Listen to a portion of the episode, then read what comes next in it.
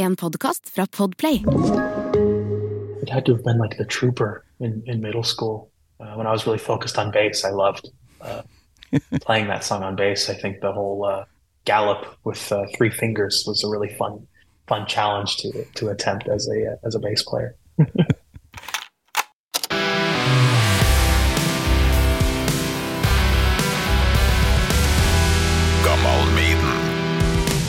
Hei sann, musikkelsker, nostalgiker kanskje, Maiden-fan, muligens, samme det, håper du har det bra. Det har du sikkert. Det våres, og det er digg. Og nå har jeg prøvd å snakke engelsk igjen. Det bruker å gå ganske dårlig. Jeg skjønner ikke hva som er greia, altså. Er det er det at vi trøndere sliter med å snakke engelsk? Jeg vet ikke. Fikk en ny prat, jeg har prata med en før, med Wolfgang Van Halen. Han er sønn til fantastiske Eddie Van Halen. Han har spilt i Van Halen. Da spilte han bass. Wolfgang, og nå står han godt på egne bein også. Skal komme med nytt album snart, som jeg fikk tilsendt et par timer før intervjuet skulle starte. Og hør på starten her, også. Jeg famler og fomler og sliter, rett og slett. Nice, How's it going, man? Nice to see you again. How are you? I'm doing well. How are you? I'm fine, thank you. I'll, ju I'll just start I, I'll, by congratulate you with your uh, new single and uh, just got your you. just got your album. It's uh, really really nice. ja, legg på en liten latter der. Jeg er nervøs, og så er det jo litt sånn delay. Det er ekkelt å, å prate over sånn Zoom-kobling over Atlanteren, men, men, men. Man må ta det for det det er. Får jo flekka inn noe, noe Maiden-spørsmål etter hvert. Jeg fant jo et bilde av Wolf Van Halen i lag med Nico McBrain og greier, og det måtte jeg jo spørre om. Så kos deg med Wolf Van Halen, fantastisk hyggelig kar, her i Gammal Maiden. Gammal Maiden med Torkil Thorsvik. How would you say that you ha have evolved as a, a, singer, a songwriter, and a musician since the last time you made a record? Yeah, I think uh, the one difference between this one and the, and the first one is that I think I came into the process a bit more confident and comfortable uh, after touring the last couple of years and knowing what the band is. You know, the first album I was trying to figure that out if I could even do it, but with this, I know I could. Um, and so I kind of experimented and, and, and pushed that. I think I was a bit more confident on guitar. There are a lot more solos. Uh, I think as a singer, I, I, was more confident in my voice.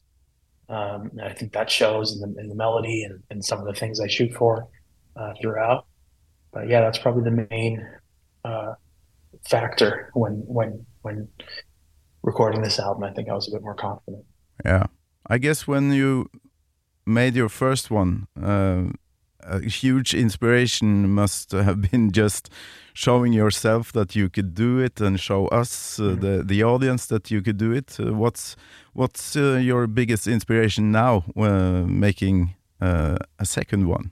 I think with with this album, it was it was to kind of see uh, how much I could widen the breadth of what Mammoth could be. I think you can hear a lot heavier things on this album, and I think uh, likewise there uh, there's stuff that's softer than than what was on the first album. So I kind of widened uh, what the definition of what Mammoth could be with this album.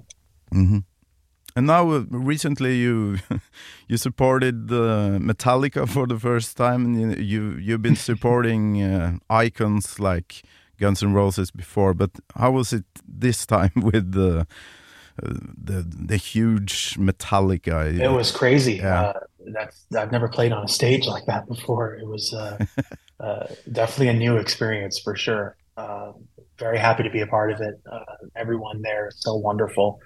The whole the whole family, the whole crew, and uh, the guys themselves. It's uh, very feel very lucky and and and, uh, and uh, honored to be a part of it. And how um, was the audience in a, in such a, concert to to support? it was crazy. You know, I mean, for such a large venue, obviously it's still filling up when you're the first opener uh, going on. You know, hours before uh, the main thing, but the whole floor was was filled out, and it was it was nuts. It, it was very a very welcoming crowd. Uh, Amsterdam was very wonderful. They lo- they love rock over there. I mean, Europe in general and just overseas, rock is uh, is very appreciated, and you can really feel it at the live shows. And now you're uh, in. June. You're coming back to Scandinavia. How do you like touring? Because now you've you've been trying that a lot for the. Um, it's it's a wonderful experience to be able to tour uh, with this music. Uh, the fact that people want to hear it and see it uh, is an incredibly gratifying thing. You know, I, I, I write and make this music for myself. Uh, I follow, you know, what what makes me happy uh, to hear and to see that there are people around the world that that feel the same way about the music is uh, is an incredible feeling for sure.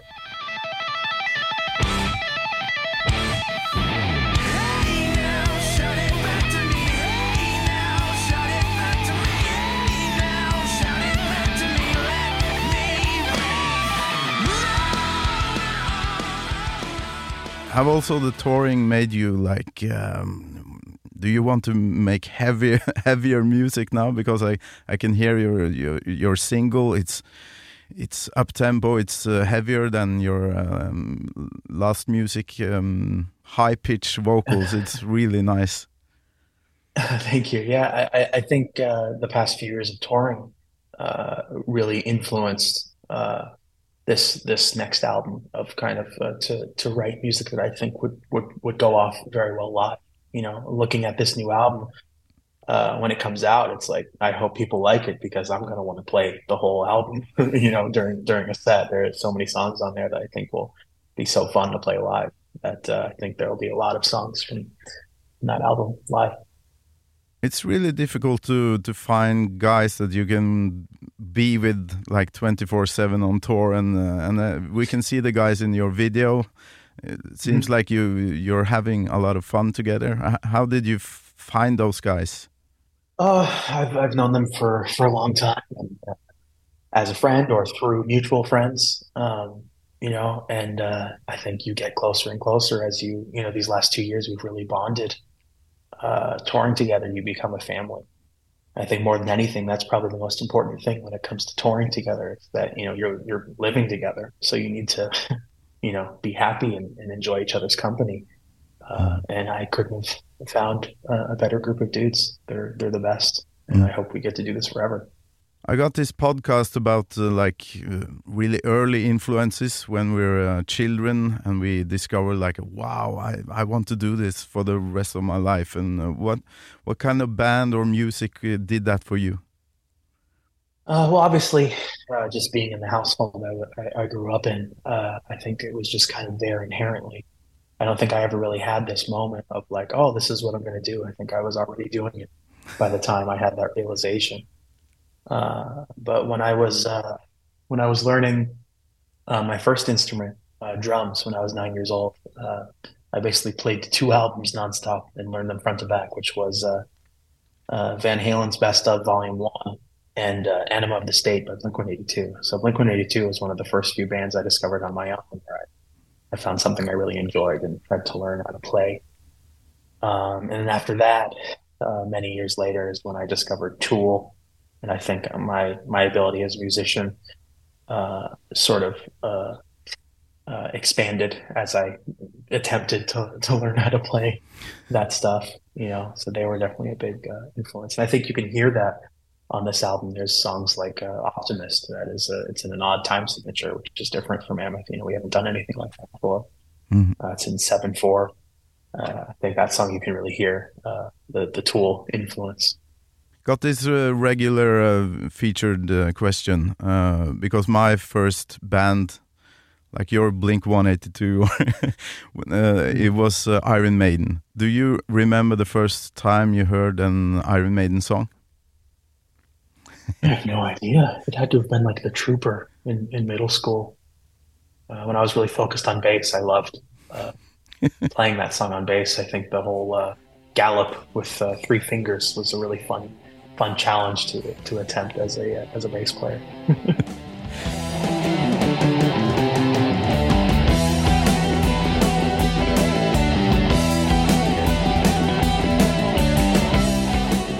just saw a picture of you between uh, Nicko McBrain and uh, and your dad. Do you rem remember that? Yeah, no, Nicko is a sweetheart. We've, we've met uh, many times. Uh, I think that was probably uh, he, he would every time because he lives in, in Florida of all places, and every time we would play Florida, he would always come and hang out. And he's a wonderful dude. Nicko's the best. You'll take my life, but I'll take yours too. You fire musket, but I'll run you through. So when you're waiting for the next attack, you better stand. There's no turning back. You're listening to a podcast. I'm Bruce Dickinson. You're not, and you're listening to Gammal Maiden.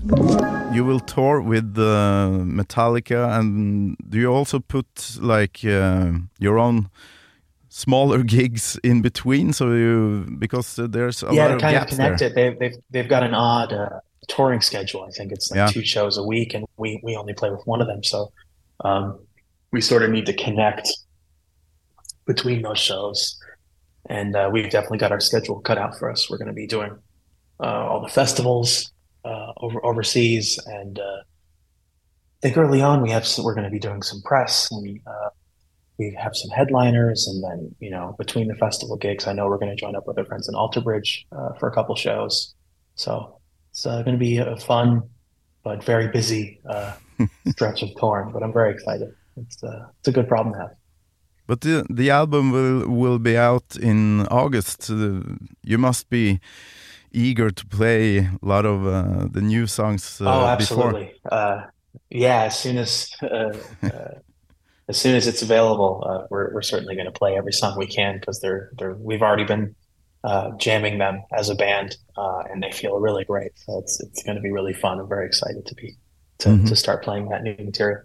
I mean, just playing the new song, uh, the new single, uh, has been uh, such a great time. It's uh, uh, live. It's been going off really well. You're an amazing um, guitar player, but you also play all the other uh, instruments. Do you do you have to um, re rehearse like all the time to keep uh, Not keep it up? Uh, yeah, it's funny when it comes to playing drums. You know, I started on drums. That it's like uh, more often than not, when I sit down and we record drums, that's the first time I'm playing the ideas. so it's it, it's fun. It kind of keeps me on my toes, and we basically uh, write the drum parts as we're recording it. Mhm. Uh, it's a, it's a fun process the way we have it set up. Final question: Do you have a favorite uh, Iron Maiden song? I mean, uh, I guess I'll have to go back to the Trooper, having that be one of the first songs I ever heard, and I just that bass line is so special to me. I love the gallop. That it's uh, maybe that's a bit of a basic pick, but I, I just think that's a great song. it's you- classic for a reason, you know. Do you use your fingers or uh, a pick when you play the bass? I'm I'm more comfortable with the pick, but I, I can certainly play with my fingers. It's it's uh, but I'm just uh, yeah, it's it's that, that song is, is a song you got to play with your fingers. You can do everything. Um, I'm looking forward to seeing you again, and uh, you'll be playing Yeah. Sweden Rock, right? Yeah, that's going to be a good time. Very excited. So, welcome back to Scandinavia, and uh, good you. luck with your new album. It's uh, really good. Thank you. Gammal Maiden med Torkel. Thorsvik. En podkast fra Radio Rock.